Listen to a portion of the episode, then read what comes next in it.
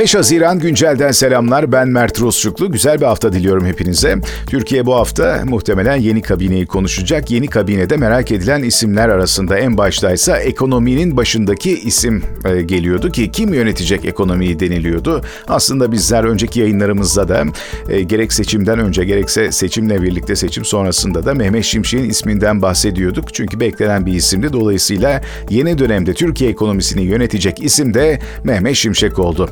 Evet bundan bahsedelim. Cumhurbaşkanı Erdoğan açıkladığı Cumhurbaşkanlığı kabinesinde Hazine ve Maliye Bakanlığı görevine daha önce de bakanlık ve ekonomiden sorumlu başbakan yardımcılığı yapan Mehmet Şimşek'i atadı. E, Mehmet Şimşek Nurettin Nebati'den görevi devraldı. Bu arada enteresan da bir görev teslim e, törenine dönüştü bu. Çünkü e, Bakan Nebati e, Mehmet Şimşek'e görevi bırakırken oh çekti. Evet bildiğiniz oh çekti. Neden oh çekti? E, o da bir enteresandı. Yani hani artık oh nihayet devrettim diye mi oh çekti yoksa başka bir niyetim vardı? Neyse artık bir dönem bitmiş oldu. Bunun üzerine çok fazla konuşmaya da gerek yok. Zaten konuşmayalım bana kalırsa. E, bundan sonra konuşacağımız isim Mehmet Şimşek olacak. Finansal istikrar vurgusu yaptı Mehmet Şimşek. Devir teslim töreninde Mehmet Şimşek'in yaptığı açıklamalar şu şekildeydi. Hükümetimizin temel hedefi toplumsal refahı arttırmaktır dedi. Önümüzdeki dönemde bu hedefe ulaşmada şeffaflık, tutarlılık, öngörülebilirlik ve uluslararası normlara uygunluk temel ilkelerimiz olacaktır dedi. Bunlar güven veren açıklamalar bu arada. Türkiye'nin rasyonel bir zemine dönme dışında bir seçeneği kalmamıştır açıklamasını yaptı. Kurala dayalı ve öngörülebilir bir Türkiye ekonomisi özlenen refaha ulaşmamızda anahtar olacaktır dedi Mehmet Şimşek. Enflasyonun yeniden tek haneli rakamlara düşürülmesi, her alanda öngörülebilirliğin artırılması, cari açığı azaltacak yapısal dönüşümün hızlandırılması ülkemiz için hayati önem taşımaktadır diye de devam etti.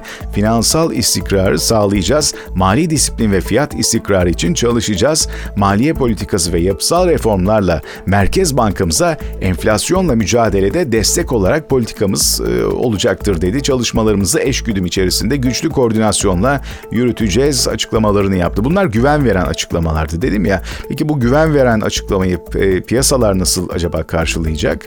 Aslında biz sabah saat 7'de bu yayını paylaşıyoruz. Dolayısıyla bu sabah borsa açılışı ve döviz kurundaki hareketle birlikte anlayabiliriz piyasaların bu açıklamayı nasıl değerlendirdiğini. Mehmet Şimşek 5 yıl sonra ekonominin başına geri geldi. Evet 5 yıl sonra yeniden ekonominin e, dümenine geçti Mehmet Şimşek ve 5 e, dönem AK Parti hükümetine Maliye Bakanı ve Başbakan Yardımcısı olarak e, görev almıştı AK Parti hükümetinde. E, Türkiye Mehmet Şimşek'in görevde bulunduğu sürede işsizliğin e, %9,2 ile en düşük olduğu dönemini yaşamıştı. Evet. Ve Türkiye ekonomisi yine 2010-2011 yıllarında ard arda %9,2 ve %8,5 oranlarında büyümüştü. İşte bu dönemde Türkiye'nin kredi notu da 4 kademe arttırılmıştı. Dolayısıyla Mehmet Şimşek görevde olduğu süreçte e, gayet başarılı işlere imza atmıştı. Dolayısıyla görevden ayrıldığında e, üzülenlerden biri olmuştum. Çünkü ekonominin gidişatı için hakikaten de üzüldüğümüz gibi de oldu zaten bugün düştüğü, geldiğimiz noktaya baktığımızda. Peki soralım.